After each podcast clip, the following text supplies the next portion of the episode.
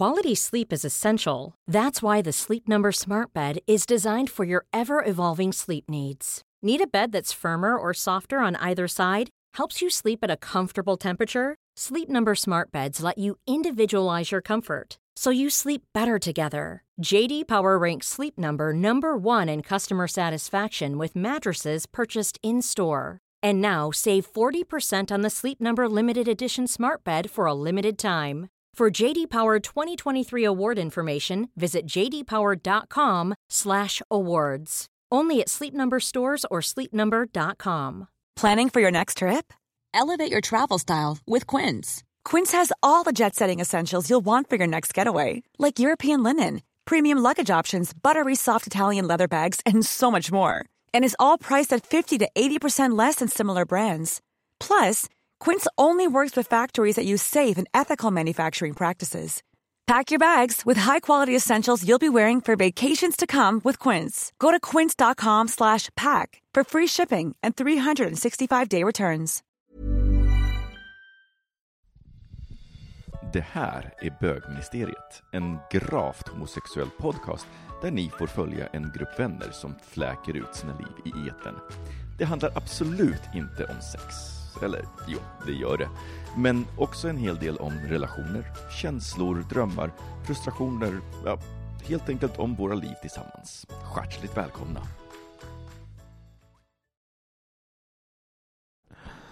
Hej och välkomna till Bögministeriet. Mitt namn är Robin Olsson och jag sitter här med Micke Lamby. Och Camilo Martinez. Hej. Hej. Hur eh, är läget idag? Börjar du Camilo? Nej, men med mig är det bra. Jag har lite mindre jobbet just nu så jag har kunnat eh, fokusera lite på den här flytten som kommer. Så jag och min kille har börjat eh, fixa lite hemma inför, vi till exempel rivit ner kakel på en vägg som måste återställas eftersom jag bor i en hyresrätt. Mm. Och då får man ju inte kakla på en vägg. Och när jag gjorde det för tio år sedan så var det så här, men gud vad snyggt att kakla här. Fy fan alltså vad jag säger till alla lyssnare, kakla inte en vägg om du inte liksom eh, kan tänka dig att plocka ner den sen om du måste, för det är hemskt. Fy Mm. fan alltså. Jag tänkte ju så här, men ganska lätt att bara, eh, vad heter det, hacka ner de här kakelplattorna. Ja. Men den här, liksom, eh, vad heter det, fogkakelmassan eller vad fan det heter, Ja. bruket, det sitter ju som betong. Så vi har ju fått liksom, eh, skrapa bort hela den här väggen. Det är en ganska liten vägg, två gånger två meter ungefär. Jag har jobbat två dagar med det här. Och nu har vi bredspacklat en gång och nu måste vi bredspackla igen, sen ska det grundmålas och sen ska det målas. Så nu är Bara- lägenheten fem kvadrat mindre efter ni har Ja, men typ bara- den där väggen? Bara för att jag ville, att kak, ville kakla en vägg alltså. Så att det är inte att rekommendera. Men det, så vi är igång nu, det känns jättekul. Men det också, du, alltså, det var väl ändå värt, alltså sådär, ni har ändå levt med den där Jo, ämnet jag har som bott ni där ville i... ha. Ja, ja, ja, nej men absolut. Men det är fan inte, det var mycket svårare än vad jag trodde. Och jag beundrar verkligen byggarbetare, för det här gör ju de hela tiden. Och de är ju såklart mycket effektivare, men det är Mm. fan... Tro på dig själv. Det är ett tufft jobb, det är, full, det är dammigt i hela lägenheten också. Typiskt. Mm. Hur mår du då? Eller hur är läget då? Inte Ja, det är du mår. dammigt i min lägenhet också. Nej men eh, det, det är bra, nu är det bra när jag får sitta här med er och få ett glas vin. Men- Fint sällskap. För du hade, um, du var Nej, lite jag har haft en dålig då. dag, haft ett, lite dåliga Mm. dagar, lite stressad och Vad är en dålig, dålig dag för dig då? dålig planering och... Nej men jag, när jag är ofo... Alltså jag sitter och gör grejer utan resultat. Alltså jag bara gör saker och så ser jag inga tydliga resultat. Jag Mm. måste liksom ha resultat. Jag är van att liksom så här få applåder efter jag har gjort någonting bra, men nu får jag aldrig det längre. Och då är det så här, Men ja ni fattar, jag måste peppa mig själv liksom. Jag gick en sån här personlig effek effektiviseringskurs i, för ett par veckor sedan, och, så, och då Mm. fick jag sånt jävla bra råd ändå, som var så här. eh, Det finns två råd som jag tog, tog, med mig. Dels var det en, en grej det här, du vet, att det här man, kan, man kan sluta en dag och sen så bara, vad har jag gjort idag? Alltså jag har inte gjort någonting. Och då att, att eh, använda sin kalender, att liksom lägga in så här, typ 15 minuter, stämde av det här med den här kollegan, Fem, så att man Mm. för in det så det även blir Alltså i princip i efterhand typ. Ja, i efterhand som man bara, nu hade jag det Mm. här mötet, så för att liksom synliggöra, dels alltså, som en loggbok över det faktiska, liksom, de här Mm. interaktionerna man då jobbar med många Mm. olika kunder och liknande. Eh, och, men även också för att de skulle känna så här, jag har faktiskt gjort något. Mm. Och sen även så här, allting som du har på en to-do, ehm, ska se, om, din, om, inte di, om inte din to-do syns i din kalender, då har du liksom inte planerat din tid. Alltså, så allting som är på en to-do-lista Mm. måste ha sin, ha sin plats i en kalender. Annars- jag har ju börjat med en annan grej med kalendern, det är det att även om jag inte har ett möte med någon annan så lägger jag in möten för mig själv. Just det. Alltså att jag planerar in tid, för då kan ingen annan boka in mig på ett möte. Och då blir, Nej. får jag en, äh, liksom en, litet, en liten notis och så vet jag att nu har jag två timmar eller en timme bara att jobba för det här. Mm. Det är så bra. För, speciellt för mig då som jobbar i flera olika projekt. Så blir det väldigt organiserat. Jag är likadant. På fredagen jag, eh, lägger jag hela min planering för måndagen. Eh, alltså, det tror man inte om mig, men jag är ju väldigt... Jag är, jag är väldigt så här, strukturnazist när det kommer till, till min tid. Men hörru, vi, vi ska ju faktiskt in på det här. Vi, idag hade vi tänkt att vi skulle prata om... Men hur mår du? Du har inte snackat någonting om... Jaha, nej men jag mår bra. Jag blev, eh, jag blev väldigt glad nu när ni, ja men det vet ni. När ni frågar hur jag mår. jag mår, Jag mår nämligen... Nej men jag blev glad för att när ni kom, alltså jag har ju då haft hund nu i tre veckor, Ah, shit. och det går väldigt, Men väldigt, har det väldigt gått bra. tre veckor? Eh, vi Har det gått tre veckor? Tre veckor har det gått, och ehm, ja, ehm, eh, det går väldigt bra. Och sen så, nu har jag liksom lärt mig, när ni, när ni kom så började han ju skälla jättemycket, Mm. och nu blir inte jag så rädd att han ska äta upp er. Utan jag inser att jag har ju världens så här, soci med sociala hund. Men han är så fin. Han hade, det är första gången han träffade dig, men mig kände han ju typ igen när jag väl liksom. Ja. Han kanske kände att jag luktade Ja, gott men han och så. gillar ju... Han gillade mig känner jag. Ja, gud ja. Ja. Jag gillar inte honom. Och en, jo, det gör jag. Han var och- jättefin, jättefin. och riktigt så här, typ så här, chipshora. Alltså han, han vill ju verkligen så här, Ja. Alltså, Thomas, han, har han, han hade ju liksom som en, jag känner att jag har väldigt mycket kärlek i kroppen. Han, han gjorde sig ju till här runt bordet. Han, Ja, ja, ja. han la sig ner ah, och liksom spelade liksom, låtsades vara så här flamsig för att hans näsa skulle komma nära osten. Oj Ja. gud, nej, oj, jag råkade få en Ja, slip. men det är Men han verkligen har ju som lärt, ett barn. han har ju lärt sig av dig. Ja, jag bara, men gud, jag bara ramlade på penis. Oj, whoops, det var inte meningen. Men, men det här lilla snacket om jobb, för vi, vi tänkte att vi ska liksom förhöra varandra om våra, varandras jobb idag. Det blir väl en rolig grej. Vi får se hur långt det- tar oss, om det blir kul. Ja. Men låt oss gå direkt in i det, tänker jag. Ja. Kul.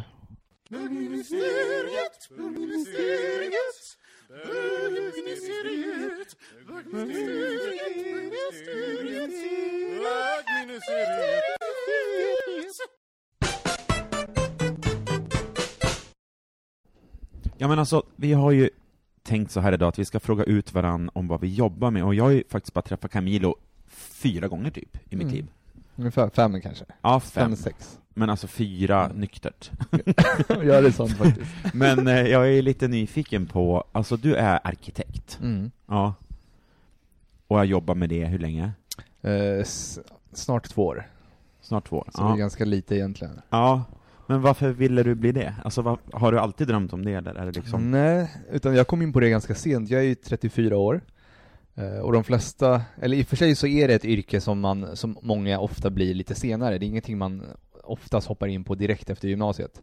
Eh, vilket är ganska kul, det var kul för min del för att jag var, kände, var liksom inte äldst på utbildningen utan det var ganska så här, medel att vara 30. Mm. Eh, så det är nice. Men jag, direkt efter gymnasiet så hade jag, min plan var aldrig att plugga igen. Jag var verkligen såhär, shit jag vill aldrig mer plugga, jag vill bara göra, jobba och kanske liksom skapa en karriär på det sättet, vilket många gör. Och jag höll på att göra det själv. Jag hoppade, kom in på hotell och restaurang och jobbade på eh, två jättefina hotell i Stockholm och började liksom hade massa olika tjänster, från liksom frukostservitör där jag kom in för att jag kände någon som var kock där, eh, mammas vän. Och sen så började jag jobba i receptionen och sen så började jag jobba som service manager och sen så hade jag tänkt att sluta jobba på hotell men jag tyckte väldigt mycket om ändå hela den här hotellmiljön är ju sjukt speciell. Det är ju ofta väldigt fint, speciellt om man jobbar på femstjärniga hotell. Och jag kände liksom redan när jag jobbade på första hotellet, Radisson Blue Strand Hotel, som ligger vid Nybrokajen, att jag bara fan, jag, jag hjälpte ofta till när vi skulle köpa nya möbler och våran hotellchef som jag kom väldigt nära, hon var lite som en mentor. Hon var ofta så här när vi skulle köpa nya, när vi skulle måla så involverade hon alltid mig. Eh, och det var hon som sa till mig, men Camilo du borde typ börja plugga på, hon sa i och för sig Beckmans eller Bergs eller någonting kreativt. Mm. Och det var där som min hela tanken började, shit jag kanske ska göra det och typ jag gick på den här Saco-mässan en dag. En, en dag när jag jobbade kväll i receptionen så åkte jag till Älvsjö innan och så gick jag helt ensam, betalade biljett och gick in på den här universitetsmässan och då var jag kanske 25 eller 24. Och så kom jag till arkitekturmonten och sen så var de så här skitcoola och trevliga och så snackade jag med någon, med någon, eh, någon snubbe där och så frågade jag bara men hur, kan man, hur kommer man in om man inte har jättehöga betyg? Och då sa han men man kan komma in genom ett arbetsprov som heter arkitektprovet som släpps en gång per år Och sen så bara vart det helt så bara shit. För jag hade ju inte jätte, jag hade medelmåttiga betyg. Men vad var det för prov då? Det är ett prov som, som finns i hela Sverige. Det finns fyra arkitektskolor i Sverige. Det är Lund, Chalmers, KTH och Umeå. Och man kan komma in på tre sätt. Eh, betyg, men då måste man ha liksom bästa betyg. Eller högskoleprov, men då måste man ha nästan max. Eller så kan man komma in på det här arkitektprovet som är ett, en hemuppgift som släpps en gång per år vid årsskiftet. Man gör någonting, skickar in, det är ganska många som skickar in och utav dem så väljer de ut ett visst antal som sen får gå två hela dagar och göra prov i en av de arkitekturskolorna som finns. Men man kan, man kan alltså komma in på betyg, Ja, fast absolut. inte vara speciellt bra på liksom... Nej, det måste man inte. Nej. Utan, eh, vilket också är så att många som kommer in på betyg sen märker att shit, det här kanske inte var min grej. Så många, hoppar, många hoppar ju av första åren. Vad smart att ha de här olika, alltså olika formerna, för det, det gör att man kan fånga in dels de som kanske är kreativa galningar Ja, ja, nej, och det- liksom så här. Helt klart. Och det är bra, det är tre olika urvalsgrupper liksom. Det är jättebra tycker jag. Eh, för att arkitekter, sen när man väl är arkitekt, finns det ju alla möjliga sorter. Så de vissa jobbar med bostadspolitik, vissa jobbar med ackvisition. Alla, alla är ju inte kreativa, så man behöver liksom inte ha de här som vi som kommer in.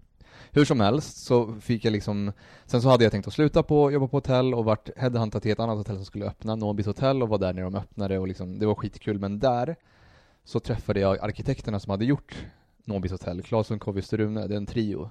Jättekända Mm. som gör mycket inredning och Nobis hotell är en av deras största eh, Berätta, om, berätta vad det Nobis är för någonting. Nobis är ett jättefint hotell. Nobisgruppen är en grupp som ägs utav, eh, det är svenskt ägt utav italienare som har flera hotell. Det är Nobis, det är Miss Clara och eh, Stallmästargården, Nakaji, eh, Skeppsholmen och de har liksom Har de ett Sto- i imperium Stockholm, ja, i? Stockholm och Mm. restauranger i Operakällaren och så. Och Nobis är då, de, de gör liksom, jobbar med väldigt fina svensk contemporary liksom. Och Claesson Kovius Rune, de gjorde ju hela hotellet med nästan all inredning, lampor, möbler.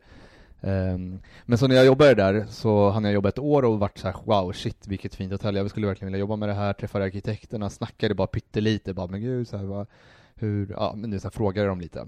Eh, och där bestämde jag mig att jag ville, jag gjorde arkitektprovet eh, första gången och gick vidare till de här provdagarna, som är två hela dagar jätteintensivt, och trodde att jag skulle komma in för att jag hade gått vidare, men så kom jag inte in, och så vart jag skitledsen, och sen så gjorde jag det igen, året efter, och då kom jag inte ens vidare till provdagarna. Och då jobbade jag på Nobis, och då bestämde jag mig för att nu ska jag ta ett sabbatsår och plugga konst ett år, och se ifall det kan hjälpa mig. Så jag tog ett sabbatsår och sa till mina chefer att jag ska, ja men eventuellt så kommer jag tillbaka, eller så kommer, kommer jag inte tillbaka. Så gjorde jag det här sabbatsåret, gick på konstskola ett år, eh, och gjorde provet en tredje gång, och då kom jag in. Men gud, alltså, hur, det, är, mm, eh, det är så roligt att höra om, eh, alltså det här, för vissa, personer har ju, kan man säga, jag vill bli det här, och sen blev man det. Alltså att det inte finns en process att, att ta sig eh, till någonstans. Men du, du, du upptäckte något, och sen så slet du för det i ganska Ja. många år. Jag tänker att när man, när man befinner sig i det här um, tillståndet att drömma om något väldigt Mm. länge, och sen så, fall, sen så händer det. Så det måste ju fu- funnits en, eh, när du väl kom in, Ja. du har suttit och tänkt på den här utbildningen, Nej, och men sen det var du in. helt otroligt. Alltså det, var, det, det är fortfarande, tillsammans med liksom att ta examen, för det är en lång utbildning, det är fem år plus praktik, så sex år, så är ju de två känslorna det bästa jag någonsin, alltså när jag kom in, jag kommer aldrig glömma den morgonen. Då jobbade jag på is, jag jobbade på en restaurang, var på väg in och, och liksom få reda på, man fick reda på det liksom i mobilen via en, en hemsida man gick in och fick se ifall ens liksom kod som man hade listat sig Mm. själv med, för det var anonymt. Och sen när jag väl såg det så började jag ju gråta och sprang till East och mina kollegor stod utanför och rökte bara vad är det för något? Och jag bara jag har kommit in och alla visste ju det så vi bara hoppade och skrek och det var liksom så här en, en lunch och vi bara, alltså jag var så lycklig, ringde min, mina föräldrar, min syrra och liksom, ja, men det är helt klart en, en lycka som jag aldrig kommer glömma. Var det som du tänkte då? Alltså var, var... Ja, alltså utbildningen var skitrolig, men jättetuff. Alltså verkligen, och inte tuff på ett sätt som man kanske så tänker sig som typ läkarutbildningar eller juridikutbildningar, för de är ju tuffa på ett, vi, vi läste kanske inte, den är inte jätte, jätte teoretisk, även om det finns teori också, vi läser saker såklart, och vi skriver, men, men den är väldigt påfrestande på så sätt att arkitektur är ju så här. det finns inget facit för vad som är god arkitektur, även, även om man ofta kan vara överens om vad som är god arkitektur, så finns det ju fortfarande så att när man gör ett projekt, för man gör, det är som man pluggar, man gör projekt, ett visst antal per år, typ tre, och så presenterar man dem för kritiker från skolan och in hyrd eller liksom så här representanter för arkitekturvärlden. Det kan vara kända arkitekter eller någon stadsarkitekt som kommer dit och liksom tittar på och lyssnar och sen så kan de såga. Och det har, de har blivit mycket snällare på senare år, men när jag började var det fortfarande vissa som liksom kunde såga rakt av och eh, eh, man kunde liksom, folk grät liksom. Mm. Jag grät inte, jag har aldrig gr- gr- gråtit när jag har presenterat, men efteråt har jag varit väldigt ledsen och bara shit. Vad bra, det är bögigt. Nej men det är hemskt. Nej, men det, det, det är en tuff utbildning därför att även om någon kan vara bara wow, fan vad fint, så kommer nästa och säger att det inte är det. Och Ja, man, kan liksom, precis. man är aldrig klar, för att till skillnad från en liksom, någonting som har med matematik eller fysik att göra, så har man löst det och sen så är man klar. Det finns ett facit. Men här är det liksom, om man hade jobbat mycket, vilket vi of- ofta gjorde kvällar och helger, så, så kunde läraren bara säga, ja men bra, du har gjort det här, testa det här också. Så det var liksom, man var aldrig klar. Men så här, för jag, jag tror också att man har en bild av, man bara, nu ska jag beskriva vad jag tänker att en arkitekt gör. Mm. Så vi, alltså, det här kanske inte ens är sant, men jag tänker så här, jag, menar att det, jag tänker att det kanske finns olika arkitekter, eh, så här, Mm. typ, eh, någon som gör typ eh, ett torg, och, och som, som har med också typ stadsplanering att göra. Ja, men det är en Alltså, landskapsarkitekt. Landskaps, okej. Ja. Och sen tänker jag att man även så här, att det fin- måste finnas liksom men så här, ett hus ska göras, så tänker jag att det måste kanske finnas en huvudarkitekt, och sen kanske det måste, måste finnas underarkitekt, alltså, Mm. som är så här, typ Nej men det är ju en design hel, och det är en hel hierarki. Alltså,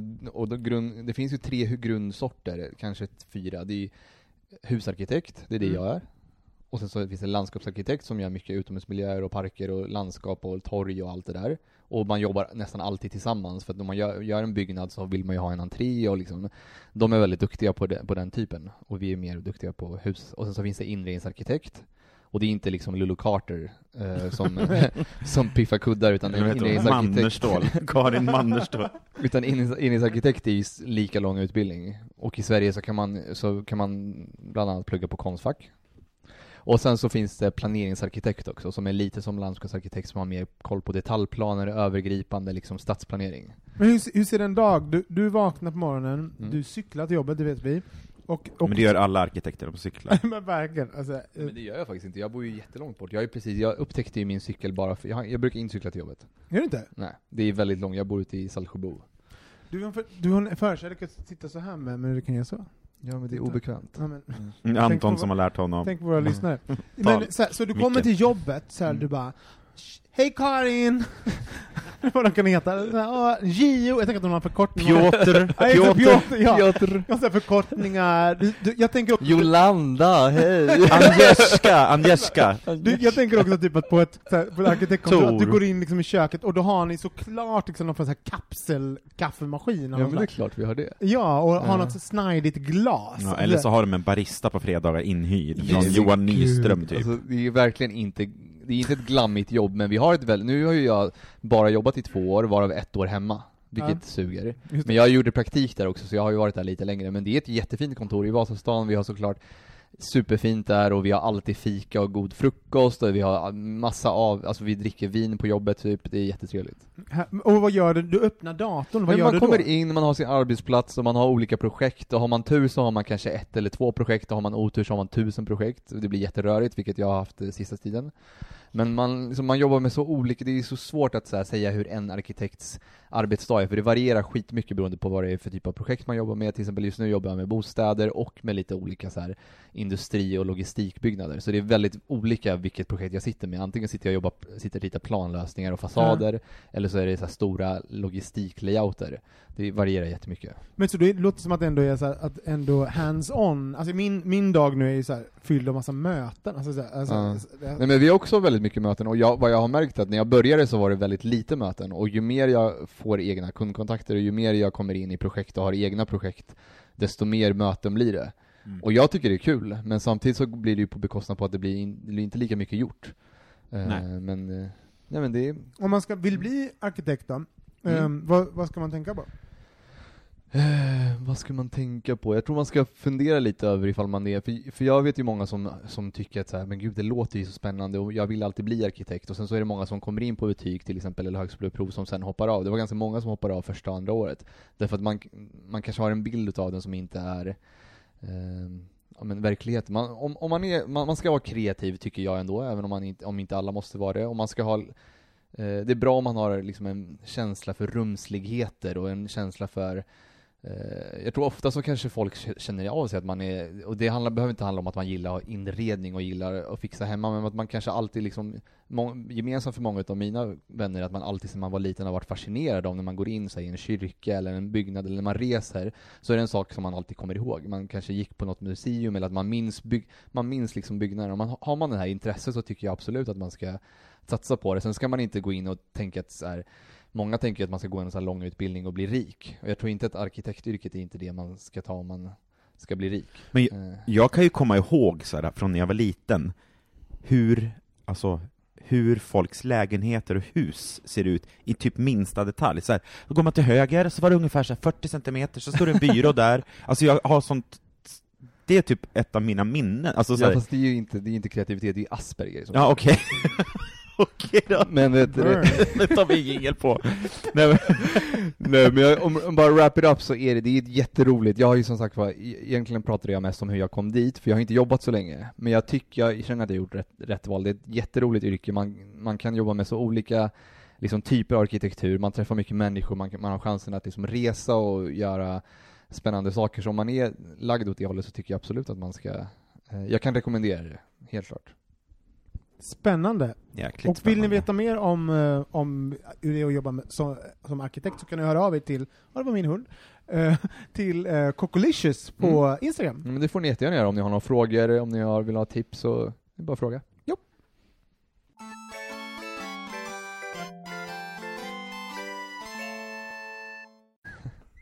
Ja, men eh, det är egentligen precis likadant för min del om dig. Jag känner inte dig så mycket heller. Jag vet ju att du jobbar med grafisk formgivning och att du gör, illustrerar böcker. Du pratar med mig nu? Ja, precis. Ja. Micke Landby. Ja. Kan du inte berätta lite om dig? Ja, men alltså nu sitter jag och gör eh, bokomslag typ hela tiden. Mm. Eh, vanliga tryckta böcker och ljud, nu, jättemycket Men ljudböcker. betyder det att du får läsa boken innan alla andra? Jag läser inte hela boken, nej. Gud vad, vad, gick jag ni på detalj snabbt? Men vänta, så du är formgivare? Ja, Hur, ja blir precis. Man, hur blir man det? Ja, det blir man ju. Nej men alltså, jag, när jag bodde i Umeå gick jag ju media gymnasiet och var helt inställd på att när jag flyttar hit ska jag, jag ska flytta hit och så ska jag plugga till AD-formgivare. Men sen så gjorde jag inte det, då jag började hålla på med musik istället och sjunga och sådär. Eh, men sen så kände jag typ 2010 att jag saknade det som fan. Att ha den sidan också. Ehm, och då sökte jag Beckmans, jag sökte kvällsskolan på Beckmans. Och då söker man med arbetsprover bara. För eh, typ alla som söker får komma in, eftersom det, man betalar för att gå där. Eh, och så gick jag där ett år och så kände jag att jag eh, ville typ försöka jobba direkt med det, istället för att söka Det är Den inte alla två. som kommer in dock.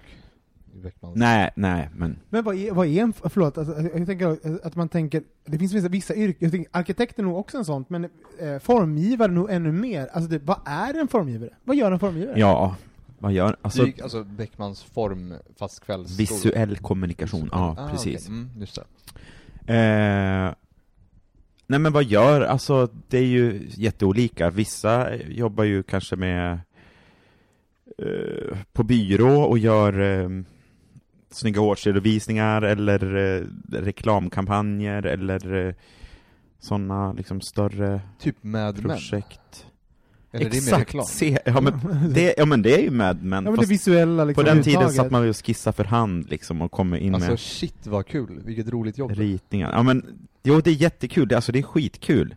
Ehm, jag är jätteglad att få hålla på med det. Ehm, Vad gillar du då med, vad är det, så, så du, du, du flyttade till Stockholm och ville vara, och bli, ville bli formgivare, tog en, hamna i musiken, sen kom, men ofta är det så här när man gör, alltså, när man hamnar, nu frilansar jag e- eget då, eh, som både inom musik och formgivningen. Mm. Ofta är det så att man måste ju liksom, man får göra det kunden vill höra typ, eller ha. det. Är ju, man får ju sjunga slagers eller covers eh, för att tjäna pengar. Och man får gärna göra liksom eh, feelgood-omslag eller eh, thrillers eller true crime. ja, eller. Alltså det är så man får göra liksom. Man har, Har du inte gjort så... så här romantic omslag? Ja, det har jag. Har du det? Det är jättesvårt att leta så här, bilder på nakna tjejer och typ så här, ändå känna att det känns ändå så här okej okej. Alltså, det, det är väldigt kul. Min kille kom in, han bara, "Ja, sitter du och googlar på snygga tjejer igen? ja, men det är ju väldigt sådär, eh, det är väldigt varierande, vilket är jättekul, men det är ju ofta det där som lyssnarna vill ha, som man får göra. För du jobbar mycket med ljudböcker då. Så, Precis. Så, så vad händer då Nå- när du får ett uppdrag? Hur går det till och vad, vad får du för... För det är också roligt när man, när man tittar, alltså jag har ju, som ni ser, om ni tittar runt er, jag har väldigt mycket böcker, Ja, jag älskar din Eh, bokhylla. så att liksom, bokhyllor. Ja. Va, så, här, man tänker ju typ, ja men just det, så, så allt det här har ju då kommit i så här. Eh, en brief har kommit till någon, någon har bett om något. ja. Så här, typ, jag har skrivit den här boken, eller bokförlaget bara har en vision. Så vad, får- vad får du höra innan en bok? Vad Nej, men ibland, är det, ibland är det så här att man, eh, jag får kontakt direkt med författaren, det kan ju vara så också. Och ibland så slutar ju aldrig den här mejltråden, det är så här, jag tänkte på en annan sak.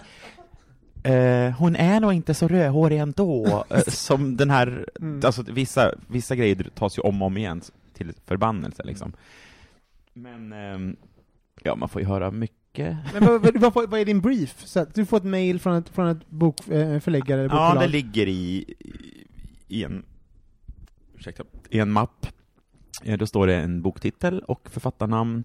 Det står eh, eh, eventuellt kanske ibland är det författarens tanke om hur omslaget ska se ut. Så här, jag tänker en rödhårig tjej som eh, eh, kisar mot solen och där ser hon, för det handlar om eh, hon drömmer sig tillbaka till Paris och Mm. det är liksom sådär. Då får man tänka mig direkt så här, hmm, ett Eiffeltorn, det är en tjej i Ah. sol, alltså om det är en feelgood-bok. Ehm, så då får man börja leta bilder och det är ofta det som tar längst tid, hitta bilder Mm. liksom till... Men gud, har du sett Emily in Paris? Nej, jag har inte sett det. Jävla dåligt, fast ändå väldigt bra. Men en fråga här bara, för, Ja. för det är intressant också, för jag tänker att ditt så uppdrag som formgivare för en, för, eh, att formge en bok är ju, alltså man kan ha en konstnärlig, jag jobbar med scenkonst, så Mm. det kan vara, där vi, när vi skapar kommunikation för scenkonst, så är ju mitt, mitt arbete är ju inte att förlänga konst, den, kon- eh, den konstnärliga visionen, det är att se till att folk vill se och vill, vill, in, eh, vill gå på föreställning, bli intresserade och sånt, så det behöver nödvändigtvis inte vara Mm. exakt samma sak som den konstnärliga visionen. Nej. Jag tänker att det måste vara samma sak här. Jag är bara- som en mellanhand mellan författaren och den, ja, så precis, jag bara tänker såhär, ah, jag tänker en, en tjej i rött, rött hår med, med i, som tittar på eh, Eiffeltorn. Och sen, ja men det kommer ju inte sälja böcker. Men jag gjorde en grej idag som jag tyckte blev jättefint själv, som jag som garanterat kommer bli ratat för det är så här, det är för otydligt, jag fattar inte vad det är för genre, eller liksom, det måste ju vara ganska tydligt liksom, ofta. Men det är, alltså, det alltså handlar om ljudböcker. bokomslag är ju väldigt speciellt. Jag, när jag tänker på bokomslag så tänker jag ju på Harry Potter-böckerna. De Mm. svenska Mm. versionen som är jättefina omslag. De är ju mycket finare än, än Bloomsbury, alltså den Ja, engelska varianten. Jag älskar dem. ja. Det måste ju varit en sån här dröm. Fast den, där är ju någon som faktiskt är det är väl en konstnär som har gjort liksom ja men exakt, jag önskar att det fanns så här budget till att bara, Mm. jag känner en skitgrym illustratör, ah, Mm. eh, som tar, tar bara 30 000 för att göra den här bilden liksom, och ta in det och... Ja, det är ju väldigt intressant det här med böcker, för att även om man så här säger så här, 'Don't judge a book by its cover' det är ju liksom, det är det man gör. det är det man gör såklart. Ja. Mm, Och det är kul, alltså det är så här, böcker kan ju vara så fina, vissa vill man ju till och med ha framme, mm. faktiskt. Och Ja. vissa är så här väldigt så här, typ Böcker som är skrivna av journalister kan ju ofta vara väldigt liksom, propaganda, väldigt så här, mm, någonting grafiskt starkt, att man ska så här, på en gång se så här, nå, något gräv, typ, något, man, man, Mm. man kan liksom se att det är någonting som handlar om någonting seriöst Mm. och, och sen så skönlitteratur, eller den här romance, jag tänker ju mest på så här Fabio, en sån Ja. Ja lång men alltså det finns ju... Men den är ju nästan så, alltså, det är ju så roligt med när, när saker nästan tagit ett helt varv runt. Typ, Alltså, jag, vi pratade ju för något, för något tag sedan om att jag hade börjat lyssna på Ja, så här, ja. gay, gay erotik. Så Ja, här, och, de, och de har ju liksom tagit, alltså den är, den är ju, de är ju shamelessly Fabio. Alltså Ja. allihopa, den är så, alltså så här, Ja, ja. och liksom, där, Inoljade och- Inoljade, eh, liksom motljus. I alltså, stallet. typ. Krispig krispiga, typsnitt. Ja, liksom så så här. här, Cowboy. Men så, så hur börjar man en konstnärlig process med, alltså du- så här, vad, vad gör du? Du bara, här, du får en brief. Nej men jag tänker så man kanske inte ska ha f- för många saker med i ett omslag. Jag kan inte ha med huvudkaraktären, mamman, eh, fasten, eh, stad, alltså man får välja ut lite vad som är viktigt, och jag läser ju inte som sagt hela boken, jag får ju liksom en, en text om vad boken handlar om. Eh, Men jag försöker tänka att omslaget skulle kunna, nu är de här ljudboksomslagen ju väldigt små i alla appar och så, Mm. men jag försöker tänka, hela tiden tänka så här, skulle jag vilja ha den här på väggen i ett stort format? Mm. Typ vinylskiva eller affisch. Mm. Om jag känner det, då tycker jag att jag är nöjd. Liksom. Mm. Och jag kan väl kanske sitta för, lite för länge och, och dutta och pilla med vissa saker. Vad är bra, eh, vad är, um, alltså, eh, har du gjort något som man bara, va? Har du gjort det? Har du, har du gjort en sån bok?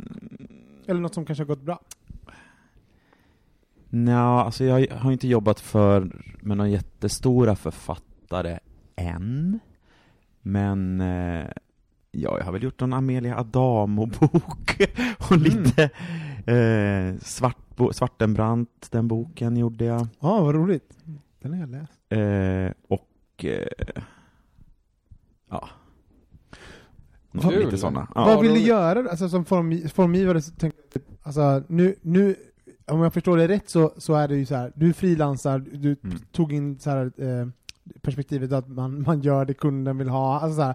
men som formgivare, vad är liksom en, nu är du i ljudboksvärlden, eller bo, bokvärlden, Ja. vad, vill, vad skulle du vilja rent som formgivare ta vägen? Nej, men det är så sjukt, för jag, när jag gick Beckmans tänkte jag så här. "Åh, Gud, jag skulle vilja göra böcker, jag vill göra bokomslag, jag vill göra typ pocketböcker.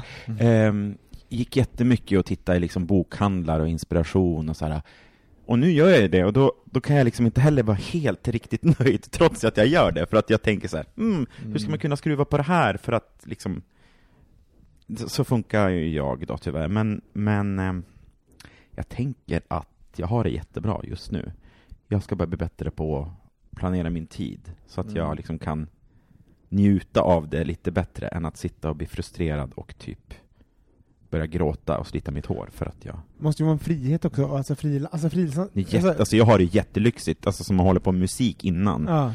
Eh, och som in, det gör jag inte nu då, av förklarliga skäl. Ja, Och det boomar ju, alltså, förlåt men ljudbok och bokbranschen boomar ju nu. Alltså, Ja. alltså alla vill, ju- vill ju bli, Mm. alltså vårt behov av att ta, ta iväg mig till en annan värld än mitt vardagsrum är Och ju större du har ju även gjort våran nya grafiska profil. Ja! Ja just det, Så det jävla- skrev jag för hand.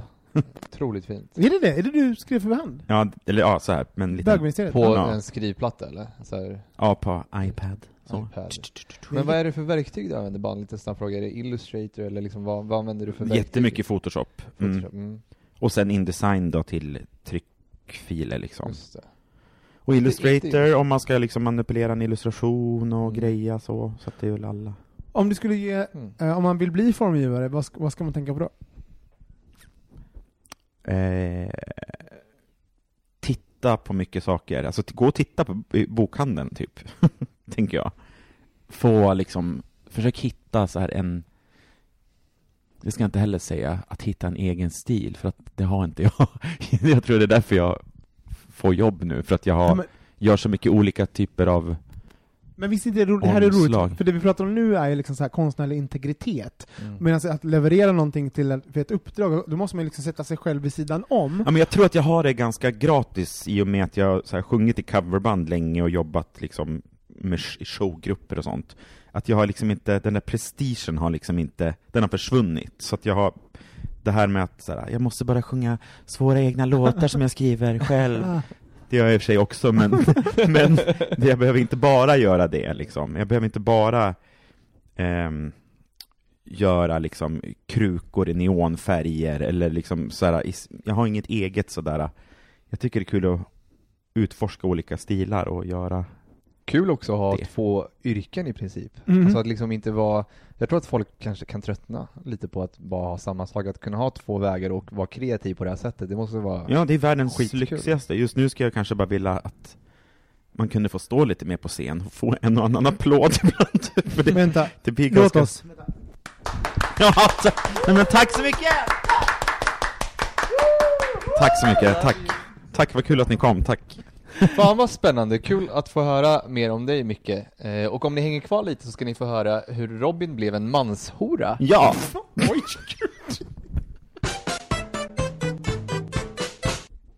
Ja, Men Robin, alltså när jag lärde känna dig, jättelänge sedan, då var ju du liksom musikalartist. mm. Det är helt fantastiskt. Ja, det känns som, alltså det, när man säger det så då fylls jag liksom med så här. Alltså, den Du sträckte, han sk- sträckte på ryggen här nu, när han bara ja. Nej men jag, jag minns liksom, alltså så här, jag minns det med liksom så här fasa och liksom kärlek och värme, det känns som ett livstid så här, men, men jo, det var jag. Och, det var ju, och då var ju du också så här aspiring singer så att säga. Så Ja, precis. Du var ju den lyckade. ja men då, jag hade väl, jag var ju redan igång och jobbade, Ja, liksom, och du ja. hade inte riktigt kanske börjat jobba. Du gjorde Mamma Mia, vet jag. Jag gjorde Mamma Mia, Saturday Night Fever, The Just det, Producers, just- Grease. just det, jag såg Mia, allihopa. Den som var på Cirkus då eller? Ja, jag var, var original cast. i- Sen Night Fever med Andreas Lundstedt, eller hur? Ja. I Mm. Mamma Mia? Jag var, eh, om man har sett Mamma Mia, ehm, så... Den här grekiska tanten som går med tvätt. Exakt, var jag. Nej, Om man har sett Mamma Mia så var jag, man, det finns ju ett killgäng så att säga, så att, så att Ja. jag var ju, och kom ihåg, det här är alltså, vi, vi pratar att, så jag gick ju Balettakademin och alla sådana grejer, men så att det här är 2004, det var mitt första, nej mitt andra jobb, jag fick, jag fick två jobb, så, så att jag började så här, 2005, vi började repa så här mellan, när tsunamin kom, då, bör, då var jag i repetition med Mamma Mia, och då var man, när man var en del av så här killgänget så var man även understudy till roller, typ, eh, som var, var de här Pepper, han som gjorde alla de här split-toppen, och sen så var det Ja, just Eddie, det. en kille som Kom igen! Alltså var så här, typ, eh, han är större, och jag var, jag var cover Eddie som var liksom den mer buffliga, alltså så här, typ grabbiga typen. Så, Mm. så han var jag cover för. Ehm, så det var inhopp, jag var ensemble och sen var jag inhopp, men jag gjorde sju föreställningar i veckan på Mamma Mia och eh, gjorde det bara första säsongen, sen så gick jag vidare till andra, andra musikaler. Mm. Och efter det var det Saturday Night Fever, eller? Var det så?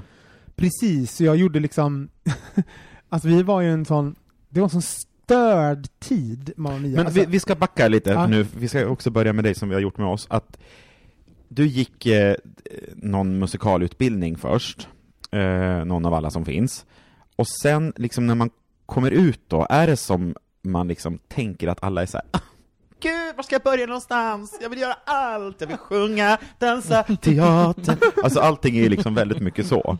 men, Vad jag är bäst på? Alla säger att jag, att, att jag är dansare men kan sjunga, alla säger att jag är sångare men kan ta koreografi. Och så att Alltså jag teatern har är ett väl så typ, brett register. Eller så är man en skådespelare som bara, ja ja, jag får väl göra en musikal på Stadsteatern. Nej, men jag, jag känner igen mig jättemycket när du berättar Camilo, det här med att söka flera gånger. Så jag sökte, så jag gick ju teatergymnasium och sen så upp, någon gång där i gymnasiet så upptäckte jag att jag kunde sjunga och att Är det jag, här i Göteborg eller? Ja, precis. Och att jag även kunde dansa. Jag bara, men gud, jag kan, jag kan mer än bara den här enda saken. Och teater hade spelat sedan jag var liksom sju. Mm. Eh, och så upptäckte jag de här två andra grejerna, och, sen så, och någonstans så bara, men gud, man kan, det här, allt det här kan jag göra i formen musikal. Typ så här. Ehm, så att när jag, sen så sökte jag Balettakademin väldigt ung, alltså jag var typ så här 17-18 första gången jag sökte, och då kom jag inte alls in. Och då, eh, och det, sen sökte jag, så jag kom in på mitt tredje försök, precis som du. Du också, fy Ja. fan vad kul. Och men jag började liksom, första gången jag sökte Balettakademin så förstod jag inte knappt, alltså jag förstod inte vad musikal var. Alltså det var ju, en, det var ju en genant ansökningsprocess.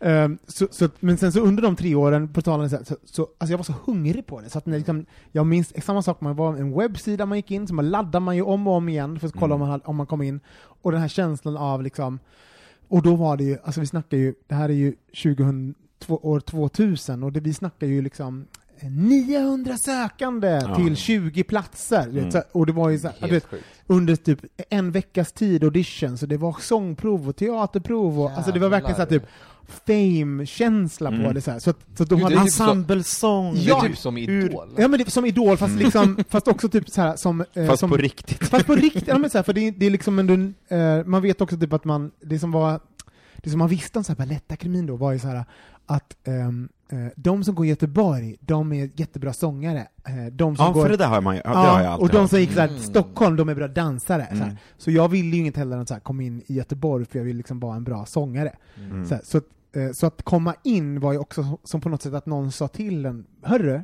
du är bra på att sjunga. Alltså, så här, Ja, ja. och så att man fick liksom det här som man kanske som en 20-åring kanske inte hade var, var säker på, var någon som sa så här, för första gången, hörru, du är så bra att du kanske kan jobba med det här. Alltså om du, Ja. om du, Mm. om du kämpar tillräckligt hårt så, så, så kan du göra det här. Så det var ju en, eh, jag kände igen med det att det var så här, vilken stor dag. Alltså Ja, det var ja. så här, Ja, det är helt, skrik. helt fantastiskt. Fy fan vad kul. Ja. Men är du nöjd med utbildningen? Det är ju en väldigt prestigefull skola liksom, man har ju hört mycket. Jo, alltså så här, eh, vi var ju, när jag, jag gick där tre år, och jag, så, fort, så fort jag kom in på Balettakademin så, så sa de till mig Vem var den kändaste i din klass? Gud. Vem var den kändaste i min klass? Jag kan inte ens komma ihåg det. Men Alltså, jag, jag, alltså, typ alla i min klass jobbar ju som professionella musikalartister nu. Alltså, ja, det var, var så. Mm. Så att liksom alla är fortfarande i musikal. Det är väldigt Mm. få som har slutat. Nej! Förlåt. Min hund så här, nosar på bri. Nu går du och lägger dig. Gå och lägg dig. Gå och lägg dig. Jävla unge. Ehm, Men du måste berätta om vad du tyckte om skolan. jo, precis. Ehm, jo, så fort jag kom in så, så, sa sa de till mig, vi måste kolla upp din röst, om den funkar. Eh, Det börjar kanske Oj. skador. Och, eh, för, för när jag var, när jag var 20, jag- alltså jag hade ännu mer forcerad röst än nu. Jag bara, ah, skrek mycket och hade ganska rockig röst Mm. och sliten och hade en, en ton som var såhär "Åh!" Alltså, kanske att de, de ville ha mer Ja. klassiska sångare. Mhm. Så att, så att ganska snabbt så bröt de ner mig och bara, att jag bara, alltså de, de ville liksom få till den här formen av hur man ska sjunga, Mm. som är liksom så här klassiskt Tekniken, fint, liksom. teknik Mm. och sånt. Så att, och, och Var få- din talton? Är den här nere eller här uppe där du ligger? så skolan var snorbra på att få till en till så här, att få en, eh, stöpa en mall av hur man ska vara som så här, någon form av armé av musikalartister. Men så Mm. fort jag kom, eh, jag började göra auditions, det första man bad om, alltså jag, eh, Mamma Mia var en av de första, eh, och då var så här, de bara Sjung en pop eller rocklåt! Alltså så här, vi är inte Mm. intresserade av så här, musikalröster. Men vad sjöng du då? då? Och då sjöng jag, jag sjöng eh, Summer of 69 med 69 med Kan vi få höra ett litet prov på Nej. det? Alltså det, jag sjöng liksom Brian Adams så här. Och, och då, så fort jag började jobba så blev jag jättebekräftad av att jag inte sjöng som en vanlig musikalartist. Så att, så att direkt när jag började Mm. gå ut i yrkeslivet så, så det som bekräftade mig och, och det jag fick jobb på var att inte vara, vara det här som de hade liksom... Undrar om det var någon övergångsperiod där för musikalutbildningen, att, att de fattade att så här, shit, det sätts ju inte upp Les Mis Ja, längre. Alltså nu kommer liksom lite nya Men musikaler. fråga, Ja. Är det så att om man ska kunna lära om man ska kunna sjunga så måste man ha någonting, eller kan vem som helst lära sig att sjunga? Alltså jag vill ju jättegärna säga nu att alla kan läsa och sjunga, men så är det, Men det är inte. inte alla kan inte sjunga. Nej. Kan inte ens folk som är dåliga bli lite duktiga? Jo, det är klart, att folk kan ju bli bättre. Alltså allting som man övar på blir man ju bättre på, Mm. men man måste ju ha en grund, en grundbegåvning, och sen skulle jag säga typ, alltså man måste ha en grundmusikalitet, och sen skulle jag säga att en, man måste ha en, alltså att folk, folk ska betala för att lyssna på en, man ska jobba Mm. professionellt, då måste man ju ha någon Mm. form av liksom ganska Men är det en fysiologisk grej att man måste ha en viss typ av stämband och käft liksom, och lungor, alltså det liksom, alla kanske inte bara kan få ut det här. Jag menar vissa låter ju som att de, vissa är ju som att de bara skriker och det bara låter som en jävla änglakör liksom. Nej men alltså, jag, jag måste säga så här, eh, de som, de som går in i pop med en gång och inte går, går vägen förbi typ så här klassisk skolning, Mm. de vågar ju liksom få sin egen ton. Ja. Eh, Mm. Och så då säger ingen så här, du låter fel, nej, för du låter som dig själv med en Mm. gång. Medan om man går via en så här klassisk skolning, då kommer någon kanske kommentera på tonen och alltså eh, din, eh, ja men, eh, eh, din vinkel in i liksom, Mm. eh, i hur du sjunger, att det låter liksom fel. Mm. Eh, Medan om man pop, då kommer det låta hur fan som helst. Alltså, Mm. Ja, Håkan man kan ju Hellström, låta liksom. som Winnerbäck och som... eh, En sak också, när- när jag började så var att så fort jag, så fort jag typ hade spelat min tionde föreställning med Mamma Mia så började jag tänka på vad jag skulle jo- jobba med sen. Alltså så här, jag var ingen, jag insåg att det inte Det var... kanske säger mer om dig som person än Ja. som själva Jo, musikal. Men var det kul då att jobba med Mamma Mia, liksom, på det sättet? Hur, hur ofta var det show? sju, eh, sex dagar i veckan, sju föreställningar i veckan. Jävlar. Och det var ju liksom, men det var jätteroligt, men för mig var det ju, att, att jag inte ville jobba vidare var så att jag älskade ju att vara i, jag älskade att repa, jag älskade att vara i den kreativa processen och så här, vara en del av att någon, Ja, någonting tog form, ett gäng och, ett gäng och liksom så här, och sen så, eh, vi började med inget och i slutet har vi det här mäktiga som folk Mm. ska se och ta del av. Eh, och sen så började liksom spelperioden och då, alltså det gick i sönder, alltså det, jag, det var så tråkigt att spela samma sak. Du bara åh, nu ska vi Om göra det här igen. om ja. alltså, om shit, igen. Är det, när, är det, hur är det liksom, det, alltså hur är det att jobba där? Man står liksom där bak massa och sen ska man springa fram och sen ska man liksom så här. Det, det känns ju Så jättespännande. byta kläder, Ja, men så det är inte, ja, men det är inte spännande liksom så hundrade gången du Har du gör. gjort, ja, gör man fel? Det är klart man gör fel, men, Men har du gjort Alltså igen, alltså, det var så mycket, alltså en gång, eh, dels så minns jag en gång när vi, Mamma Mia, så kom en... Men det här var första gången Mamma Mia sattes upp också? Ja, ja, ja, det är om vi håller oss till. Mamma Mia. Ja. jag, gjorde, jag är ju med i, det är så här Mamma Mia soundtracket för Meryl Streep, du är Mm. med i kören där, och sen så Mm. eh, ju, eh, ju var vi ju ett originalcast då som gör den svenska skivan och så vidare.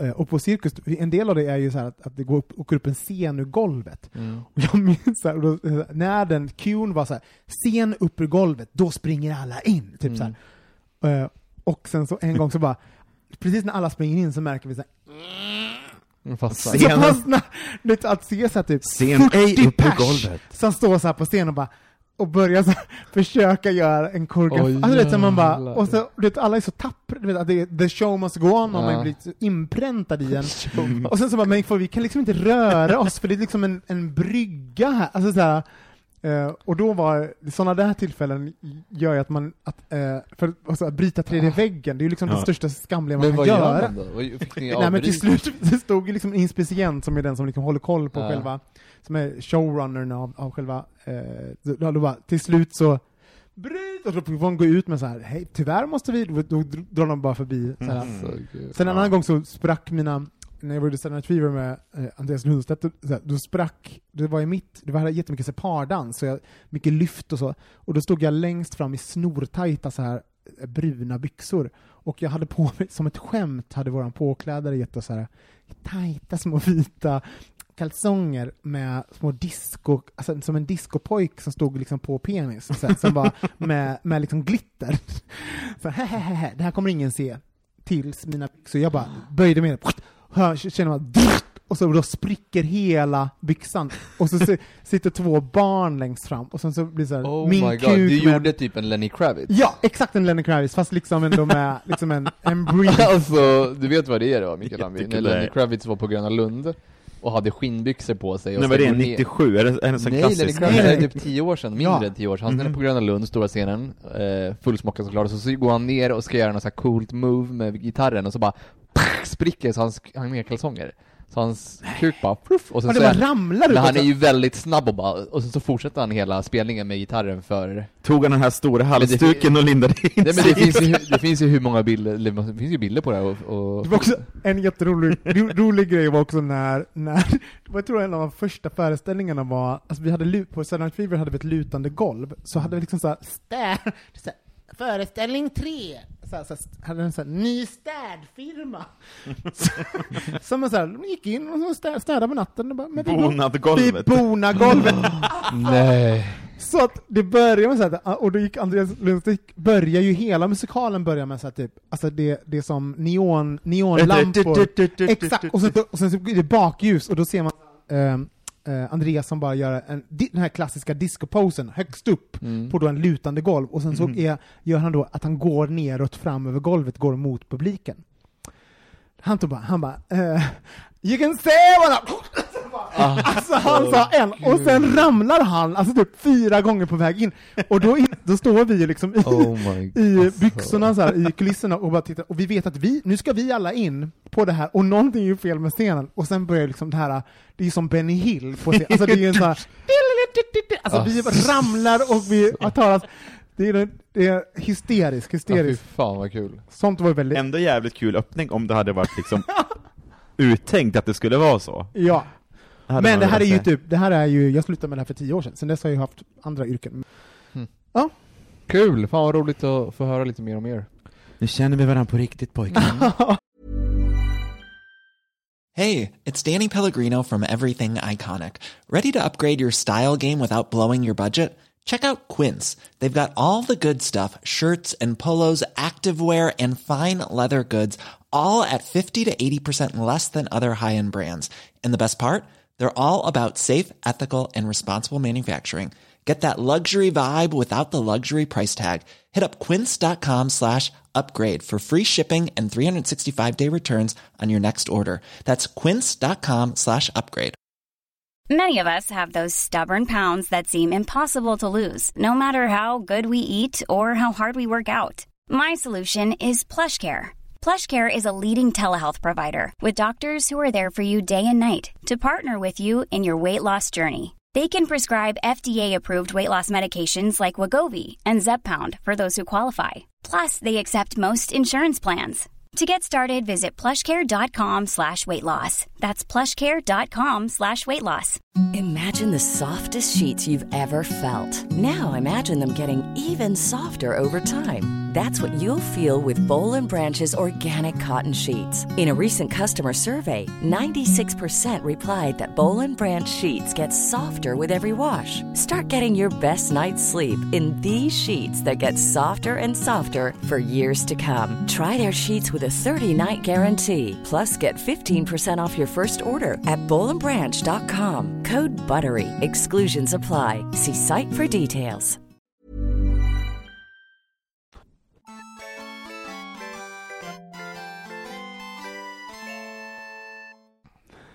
Vi har fått en liten, ehm, ett jättekort lyssnarbrev kan man säga. Eh, och det lyder så här. Bögmordet. Ni är ju ändå relativt olika... Göteborgare blev jag. Bögmodet! Alltså, bögmordet. Ni är ju ändå relativt olika i stil, ni ministrar. Hur utmärker det sig från straighta? Alltså, hur, utmärker sig bögmorde från straighta? Jag tycker det är en jätterolig fråga, och också därför att eh, det jag tänker är att så många människor säger så här, men du är bög så du har ju bra koll, eller typ att Just det. man direkt bara, eh, om det är en grupp säger ja men bögen kan vara bra på inredning eller på mode. Mm. Men egentligen så tycker jag ju nästan att det, om man kollar på så här i allmänhet och hur man, eller min stereotypa bild av bögmodet så är ju det typ ganska fult mode.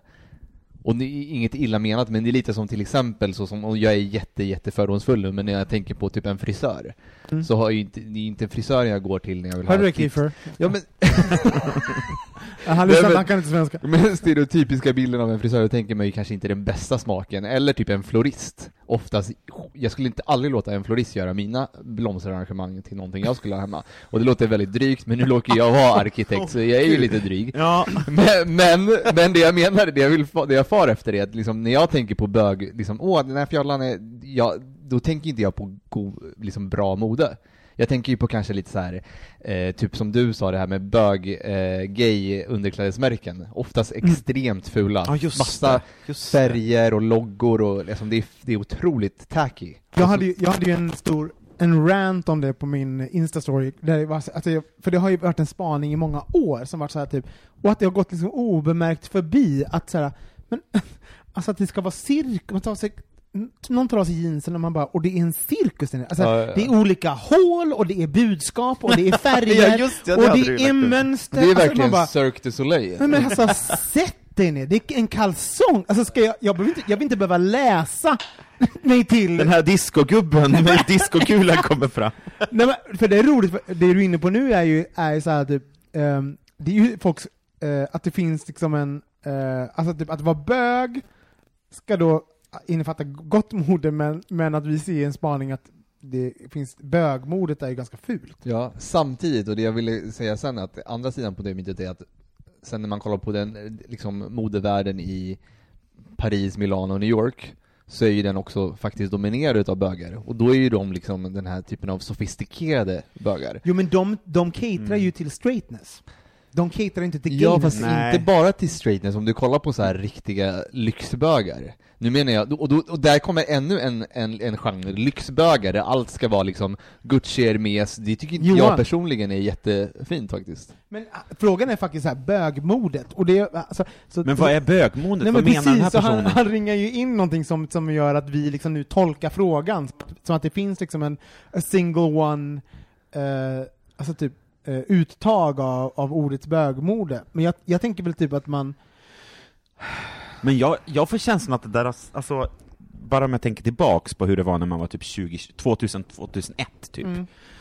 Då var det så här, eh, all, det började snackas om metrosexualitet och straighta killar, att de skulle ta efter, ta efter bögarnas sätt att klä sig och sådana saker. Minns ni det? Eller Camilo kanske inte minns? Nej men att det var sådär, ja ah, men är det här, brorsan kunde komma och han bara, är det här gay eller? Rulla upp jeansen sådär, är, är det här gay? Är det, liksom, ja just det. det var så ängsligt att det skulle se gay ut. Och sen så kom man till Karlstad och då, då hade alla det här bögmodet i Karlstad. Just det. Eh, så att det där Det var bara liksom... mode i Karlstad, det var inte bögmode. Alltså förstår du? Nej men exakt, ja men exakt, det är det som är skillnaden och, och eh, Men bögmode, alltså bara, vad är skillnaden? För han, våran, nu ska vi se, är det din telefon som ligger och Ja. knastrar in i... Förlåt. Uh, nej men så här, hur, hur, hur utmärker sig skillnaden mellan så här, bö- bögmodet och straighta då? Alltså, och jag tänker, vinkeln in i den här frågan är ju eh, på något sätt tänker jag att man som bög ändå är medveten om mode, alltså att det ens en gång Mm. är på kartan. Mm. Alltså så här, att man är, eh, Men jag tycker hela det begreppet är ju en fördomsfull, ett, ett, ett fördomsbegrepp. Mm. Liksom en klyscha. Men jag sitter i fleecetröja idag till exempel. Ja, jag precis. det var fruktansvärt när det kom. Du bara, men gud! Man, man på Vill du ha någonting? Vill du ha någonting? Vill du låna någonting? Exakt, jag bara lånar Du börjar mig. slita Alltså, i garderoben. Och typ in i min garderob, jag har inte Bara handlat en rutig flanellskjorta. Det är en sån kliché. Men alltså, eh, vad, vad, om ni ska bara besk eh, beskriv... Mm. Men bögmodet, ja, det, det första jag tänker på är ju tight vit t-shirt istoppat i ett par jeans. Men jag Det tänker, det jag liksom, tänker om man tänker på hur det har varit den senaste, tid, se- senaste tio åren så är det liksom tajta byxor, Tajta jeans eller chinos, Mm. en Louis Vuitton-väska, en sån här keep-all som man egentligen Det ska ha när man Mustafa, våran kompis. man ska egentligen ha den när man reser men man tar den till gymmet ändå liksom. Och sen så har man ett skärp, gärna med liksom en stor bluffy Gucci eh, Eller ingen skärp nu, är inte det såhär... Nej men nu, nu pratar jag. Ja, förlåt. Och sen så har man eh, en tight överdel, eh, och liksom, ofta en väska faktiskt, kan vara en handväska. Fast det är liksom en manbag som har blivit lite, det är lite bögmode. Men måste bögmode vara fjolligt? Måste Nej ha det måste inte vara det, men nu, nu, tar, nu går jag ju bara in i den här stereotypa bög... Men kan inte bara, för om jag vänder på det, inte typ ett bögmode idag, eh, typ att ha, som du säger Micke, så, så här, flanell, alltså det här Ja. nästan liksom förhöjda manligheten, för att Mm. vi är så ängsliga kring att bli uppfattas som Lite funktionsbyxa men och typ Ja. vandringskänga. Sen så finns- Ja, ju men den här- Nu, efter, i pandemin, förlåt, bögmode nu är väl typ att folk som, all, alla kläder som alla så här, bögar vandrar i fjällen. Ja, Alltså, eller typ typ mysbyxor och ett par Men sen så sneakers finns ju den här typen utav så här faktiskt riktiga fashionista bögmodet. Och där Ja. kommer folk in som till exempel, vad han heter, Simon, han som var med i Paradise Hotel. Simon med C. Ja. Nej, ja. ja, precis. Ja. Och han är ju eh, eh, faktiskt, faktiskt väldigt fashionabel på riktigt. Ja, ja. Så han är ju inte den här som stereotypa som går med blaffiga grejer, utan han är bara lite så här nonchalant, lite parisien, bara lite så här skjorta. Jo men han har ju inte bögmode, Nej, han har ju men bara mode. Fast, fast, jo, fast, fast han är ju liksom en, det är ändå, den, han går ju mer åt den här fina, sofistikerade bögmodebilden som man ser i Paris, Milano och, och så vidare. Och cont- contemporary gay fashion. Men en, sk- en skräck jag har, alltså jag har så himla tydliga minnen när jag liksom lurar mig in på bögklubb när jag var såhär typ, ja men såhär 17! Så här, Göteborg, gay touch. Det var så här, jag var ju på, eh, för nu, här kommer gamla referenser för er som levde då, men, men Bacchus var ju någonting som fanns i Göteborg, som var en, en Mm. legendarisk bögklubb i, i där. där. Det var min första så här, bögklubbsupplevelse. Och sen fanns det någonting som hette Gay Touch, och nu snackar vi 1997 typ. Typiskt 90-talsnamn Ja, men det klubb. är gay, men också så roligt, alltså, förstår du? Så här, det är så skamlöst, gay touch. Touch! Man bara okej, okay, bara write it out, why don't you? Här, och där lurar jag mig in, och det kommer ihåg på gay touch, så fanns det ofta så här, typ så äldre bögar som, som jag då, jag har ingen, nu i efterhand tänker jag så här, kanske var de min ålder, eller Mm, var, var de kan kanske så här hända. 50, eh, 50 någonting så här, Mm. som hade um, the audacity att inte liksom klä sig för sin ålder, utan hade, så här, hade samma tajta tröja som jag hade då Mm. när jag var 17, Ja. och hade kanske lite, lite kort tröja, alltså, och även sexualiserade sin, sin då äldre kropp, Ja. eh, som jag då tyckte var jätteprovocerande som 17-åring. Bara jävla gubbslem, alltså det hade ju Ja. inget, man har inget djup. Men jag hade ingen, jag hade ingen liksom så här, typ, tanke på vem han var. Du bara Eh. Pat här, så, så, så när bögmode så, så har jag haft så här, en, ont i magen att, att bli sedd på det sättet. Så jag vet att när jag, när jag klär mig så blir, är det en parameter. Nu är jag 40, jag bara, hur blir jag, hur blir jag sedd i de här Ja. kläderna? Alltså det är eh, någonting jag tar med mig. Så att, Men gillar man ändå inte folk som klär sig för sin ålder? Alltså, för sin liksom... Alltså både ja och nej. Ja jag, tycker, nej, jag, ja. jag, jag, jag tycker det är kul när folk klär sig så, alltså typ jag älskar att se äldre, speciellt kvinnor när de är så här lite coola och kreativa och så skiter Okej, i du har rätt, jag håller, Det jag är håller med. jättemysigt, varför ska de klä sig Nej, jag håller med. om de Man gillar ju sig- så här snygga, Ja. gråhåriga män som har lite cool Ja, ungdomlig stil tycker, också. jag, ty, alltså, jag tycker verkligen, att mycket av det jag sa nu var ju precis lika fördomsfullt Men det som måste vara Oh, självsäkert. Ja. Mycket av det jag sa nu är ju precis Mm. lika fördomsfullt som ordet bögmode, men Mm. i grund och botten så tycker jag ju att det bästa är att man klär sig på ett sätt som känns bekvämt för en själv, som Ja. utstrålar att man är liksom bara nice med det man har på Exakt. sig. Och Så fan, ha på dig vad du vill. men tro, jag vet inte hur, hur ni är, men jag, det finns ju, eh, det finns ju en, eh, ett skav emellan hur jag ibland, hur jag skulle vilja klä mig, typ så här, som är kanske i linje med min personlighet på ett sätt. Så här. Men, men, och sen även typ att vara liggbar. Men du har lite Gudrun Sjödén ändå över dig. Jag orkar inte. Jag tycker I din mer inredning har jag Lite mer det. Anna. Anna. Ja, ja just det. Nej, fast jag, Förstår du vad jag ty- menar? jag tycker att du, du, försöker, du försöker ge skenet av att du inte bryr dig, men du bryr dig ju det visst. Du har på dig Jo. dina så här lumberjack, och du har Ja, liksom ja. på dig dina så här ja men typ, vad heter det? Eh, Jag är mer fashionabel än man tror, men jag, jag Ja. klär ner mig för att jag vågar inte kanske, jag vågar inte ta ut svängarna för jag, för jag, vill, för jag tänker att så här, jag vill inte vara den, förlåt, en skrikig bög, jag vill inte en skrikig Mm. bög i en skrikig outfit. Men du har ju en ganska skrikig Insta, du är ju en Instagirl, så du Jo. kan ju bara skrika på hur mycket Du du har ju aldrig några kläder Robin. Nej. Ja, det är ju sant, du har ju inte på dig så mycket kläder. Så vad är det då, om vi avslutar den här, eh, vad är det för, eh, vad utmärker sig det bögmode från straighta? Det är, är kanske ingenting? Straight och bögmode Alltså det går finns ihop? stereotyper, men egentligen så är de liksom, jag menar om man kollar på metrosexuella så finns det ju precis samma typer där också. Så att det är, det är, jag tror nu för tiden är det inte så mycket som utmärker sig. Asmånga heteros som, som Ja. klär sig Verkligen. bögigt om man... Ja, så, så, så dåligt mode är dåligt mode typ, och bra, Ja. och typ kläder vad- hur fan du vill. Men det är kul idag tycker jag faktiskt med modet att idag kan man ju ha liksom vilken stil som helst Mm, och ändå faktiskt- vara inne. Ja. Så var det ju inte förut. Idag så kan man ju komma undan med att typ Det är faktiskt någonting, jag har inte tänkt så mycket på det, men det är fan mer accepterat idag att bara ha sin egen lilla stil, och att det Mm. inte behöver vara så himla jag följer jag följer Fast ändå se ut som andra, för att alla ser ändå ut som varandra. Ja, Liksom. men jag vet inte. Och sen så är, bor vi i en stad som, är som faktiskt är väldigt modemedveten. Även nu när man liksom inte är det, så är vi det.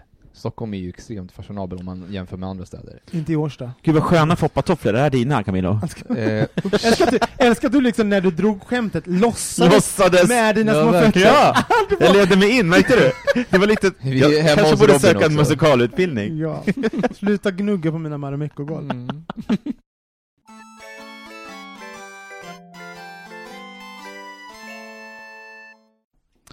Vill ni eh, göra oss en tjänst så går ni in på eh, Spotify eller var ni nu lyssnar på våra podcast och lämnar en liten recension, det vore toppen. När ni gör det, då innebär det att vi hamnar upp, högre upp i eh, algoritmerna och folk kommer kunna hitta till oss mycket lättare. Och dela, om ni, gillar det ni lyssnar på, så dela också det i sociala medier så blir vi super, super glada och tagga oss. Ät Bogministeriet heter vi överallt. Vad heter du på sociala medier, Micke? Jag heter att Mikael Landby. Och du, Camilo? At uh, Cocolicious. Och jag heter Ät Olsson Robin och vi hörs igen nästa vecka. Hej då! Hej då!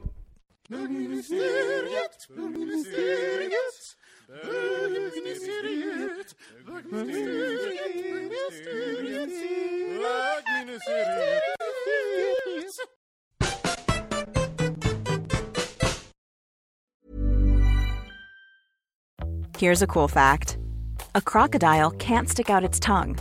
Another cool fact you can get short term health insurance for a month or just under a year in some states. United Healthcare short term insurance plans are designed for people who are between jobs, coming off their parents' plan, or turning a side hustle into a full time gig. Underwritten by Golden Rule Insurance Company, they offer flexible, budget friendly coverage with access to a nationwide network of doctors and hospitals. Get more cool facts about United Healthcare short term plans at uh1.com. Mom deserves the best, and there's no better place to shop for Mother's Day than Whole Foods Market. They're your destination for unbeatable savings, from premium gifts to show-stopping flowers and irresistible desserts. Start by saving 33% with Prime on all body care and candles. Then get a 15-stem bunch of tulips for just $9.99 each with Prime. Round out Mom's menu with festive rosé, irresistible berry chantilly cake, and more special treats. Come celebrate Mother's Day at Whole Foods Market.